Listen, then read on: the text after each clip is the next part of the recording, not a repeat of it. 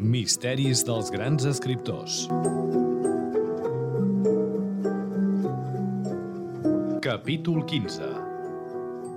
Per què va deixar d'escriure Carmen Laforet?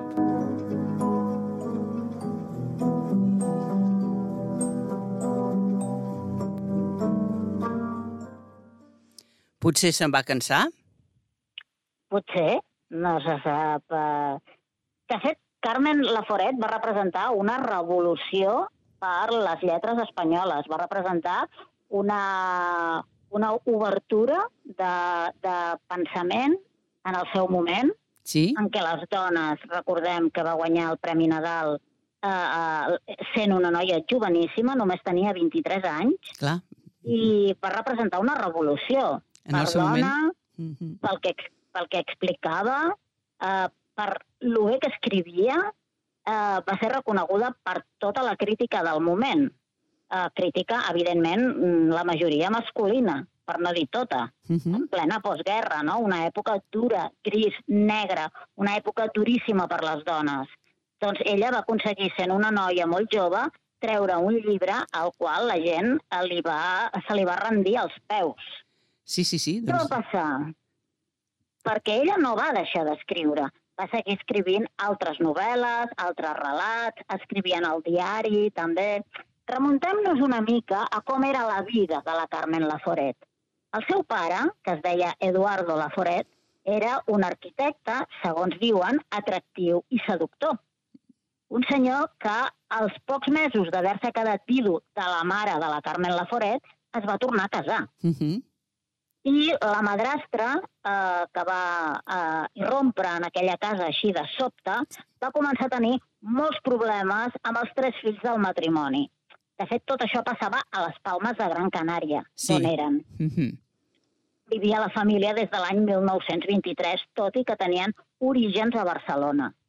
Ell era un home molt conegut a la ciutat, la seva nova esposa diuen que era molt gelosa i que tenia molts problemes amb els tres fills encara molt joves de, del senyor Laforet, i així la, la gran, la primogènita dels tres germans, quan va fer 18 anys, de fet, els va complir durant el viatge, Sí? va dir aquí us quedeu, que jo me'n vaig a Barcelona. Ja en tinc prou. Ja en tinc prou. I va marxar amb la família paterna, que, eren, que vivien aquí a Barcelona. Sí. Diuen que ho va fer si, seguint un amor de joventut, que era Ricardo Lescano, que era l'havia conegut a les Palmes, i, i bé, um, aquest, aquest període, de fet, uh, ho va recrear amb duresa en la seva segona novel·la, que es deia La isla i los demonios, que és una obra que després del boom que va representar en Nada, a molta gent el va decepcionar perquè es pensaven que seria una segona part de Nada, no? Volien saber com continuava la novel·la i ella sempre va dir que mai de la vida tornaria a, a la novel·la primera a fer una continuació. Mhm. Tot el que la Carmen Laforet va arribar a la capital catalana, on encara vivien els seus avis, dels quals guardava un gran record, Sí? um, i bé, va voler va desembarcar aquí esperant viure una vida mm, diferent. Però què va passar? Que quan va arribar aquí es va trobar una Barcelona de postguerra, el que dèiem, grisa, mig destruïda pels bombardejos, que se la menjava la misèria de tots aquells anys de guerra i que no tenia res a veure amb els records que ella tenia de la seva infància abans de la guerra És clar, tot una decepció. tota una decepció. La relació amb aquest nòvio que havia vingut fins aquí seguint-lo tampoc va funcionar i bé, el que va reflectir a la novel·la Nada, doncs és una mica, molta gent diu que és en part autobiogràfica, Mhm. doncs és eh, l'experiència real que va tenir a Barcelona durant aquells anys. Sí, sí. Tan grisos. Molta gent diu que mm, reflecteix un, un estrany ànim, no?, eh, diuen que era seductorament distant i continguda i que la protagonista de la seva novel·la Nada també ho és, és una noia que es diu Andrea i que molta gent d'aquella època, molts joves de la postguerra, s'hi van veure reflectits. És clar. Eh, diuen que mm, reflectia el molt ensorrat que es podia sentir el jovent als anys 40. Sí, sí, sí, amb l'ambient que devia, haver, devia ser així molt, molt trist. Molt trist, tristíssim. Més endavant va seguir escrivint, però res va tornar a tenir la importància que va tenir nada. Uh -huh. Què va passar? Hi ha molta gent que diu que com és que en un moment determinat de la seva vida fins i tot va deixar d'escriure. Llavors hi ha dues teories que es reflecteixen en dos llibres diferents. Um, la primera um, és una, una biografia que es diu Una mujer en fuga, que uh, va, van escriure Isabel Israel Rolón, perdona, i um, en aquesta biografia es diu que ella va deixar d'escriure perquè es va casar amb un senyor que de cognom es deia Cerezales, va tenir molt seguit cinc criatures, cinc nens pràcticament en un darrere de l'altre, que la feina de mare i de sentir-se ofegada pel fet de que el seu marit no li agradava gaire que la seva dona es dediqués al tema aquest de la literatura, no? Um, I, mm, a més a més, pel sistema patriarcal que hi havia en aquell moment i que l'oprimia. Era, era una, un, un sistema que ella, tot i que destacava moltíssim i que la crítica l'havia elevat, no es podia expressar tal qual se sentia. Ja, ja, ja. No se sentia lliure. No se sentia lliure. Uh, també diuen que hi ha gent que mm, amb el temps va fer un, com un canvi i es va convertir en una persona molt religiosa. Mm, diuen que va guanyar...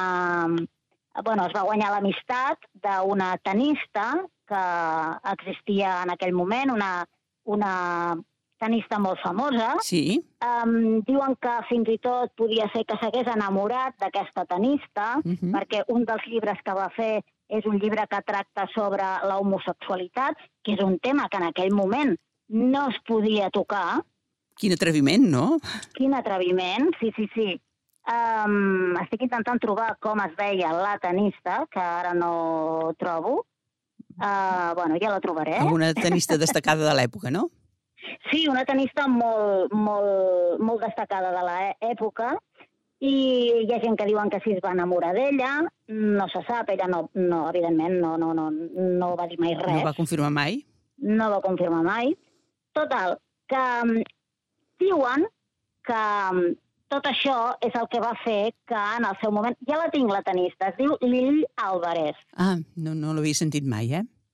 Va tornar l'any 51 de fora Uh -huh. i bé, um, havia abandonat l'esport i es va abocar en un pensament catòlic seglar Sí? que eh, es posava una mica en contra de l'església d'aquell moment. Uh -huh. Era com un altre tipus d'església, no?, més alliberadora. Sí, sí, sí. I la, i la Carmen Laforet um, doncs va voler seguir també aquesta tendència. S'hi va afegir.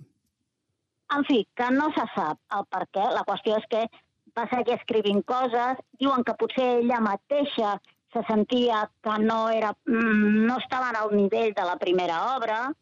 Um, I després hi ha una teoria, que és una teoria que um, han dit la seva família, i és que creuen que amb els anys va tenir una malaltia Sí? que, que la va acompanyar fins la seva mort, que va passar el 28 de febrer del 2004, Uh -huh. i era una malaltia que mm, hi ha gent que diu era Alzheimer. La seva família, el seu fill en concret, un dels seus fills, diu que no, que no era Alzheimer, que és una malaltia neurodegenerativa Sí? que el que fa és que no afecta a l'intel·lecte, Uh -huh. sinó que afecta només a la capacitat de parlar i escriure. Ja.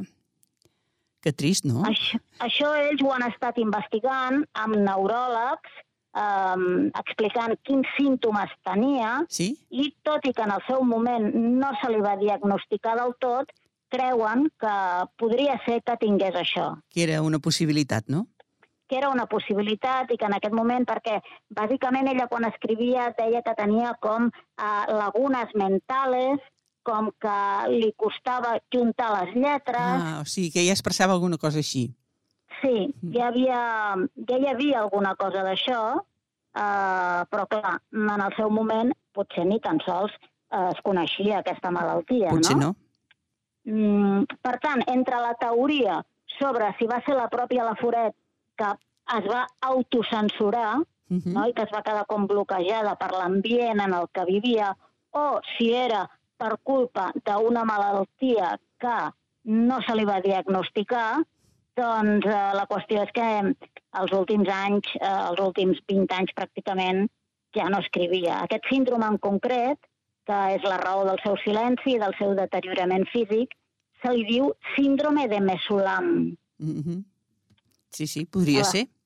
Aleshores, um, bé, um, ella diu que tenia una cosa que li deia grafofòbia, que era que, doncs això, que li costava escriure, no? que li Sí, sí, tenia sí. com, com dificultats, Mm.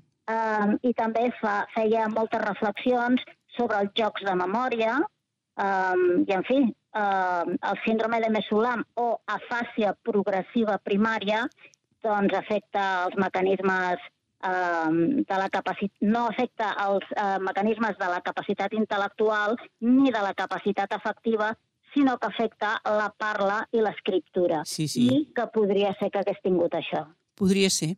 Moltes possibilitats, eh, has anomenat, però del cert, del cert, del cert, no ho sabem, no? Només ella ho deu saber. Tot s'ha de dir que si la veieuen a les fotografies de jove, trenca totalment amb l'estereotip del que era la dona d'aquell moment. Sí. perquè ella era una noia que no es maquillava mai, que era bufona, que, Mhm. que portava el cabell curt, que no tenia res a veure amb les dones d'aquell moment que portaven el peinado de la Riba a Espanya i, i, i el maquillatge supergruixut amb els llavis vermells i és que no, No, no té res a veure Mm. i, i es veu que, a més a més, de, per la seva capacitat intel·lectual, doncs també a on anava es quedava la gent enlluernada per la, aquest tipus de dona nova. Sí, sí, sí, sí. Cridava l'atenció. Doncs sí, i si no heu llegit nada, doncs eh, us la recomano i llegir-la ara a l'estiu. No l'he eh, llegit, està ara a veure. És una, una possibilitat, llegir-ho ara a l'estiu. Això mateix. I fins a la nova temporada. Molt bé, Sílvia. Doncs moltes gràcies. Ens acomiadem de la temporada d'aquests misteris i de la temporada en general. Bon estiu i Igualment. fins la propera. Fins la propera. Adeu. Adéu. Misteris dels grans escriptors, amb Sílvia Gené i Dolors Pinactelli. Una producció de Ràdio Tordera per la xarxa de comunicació local.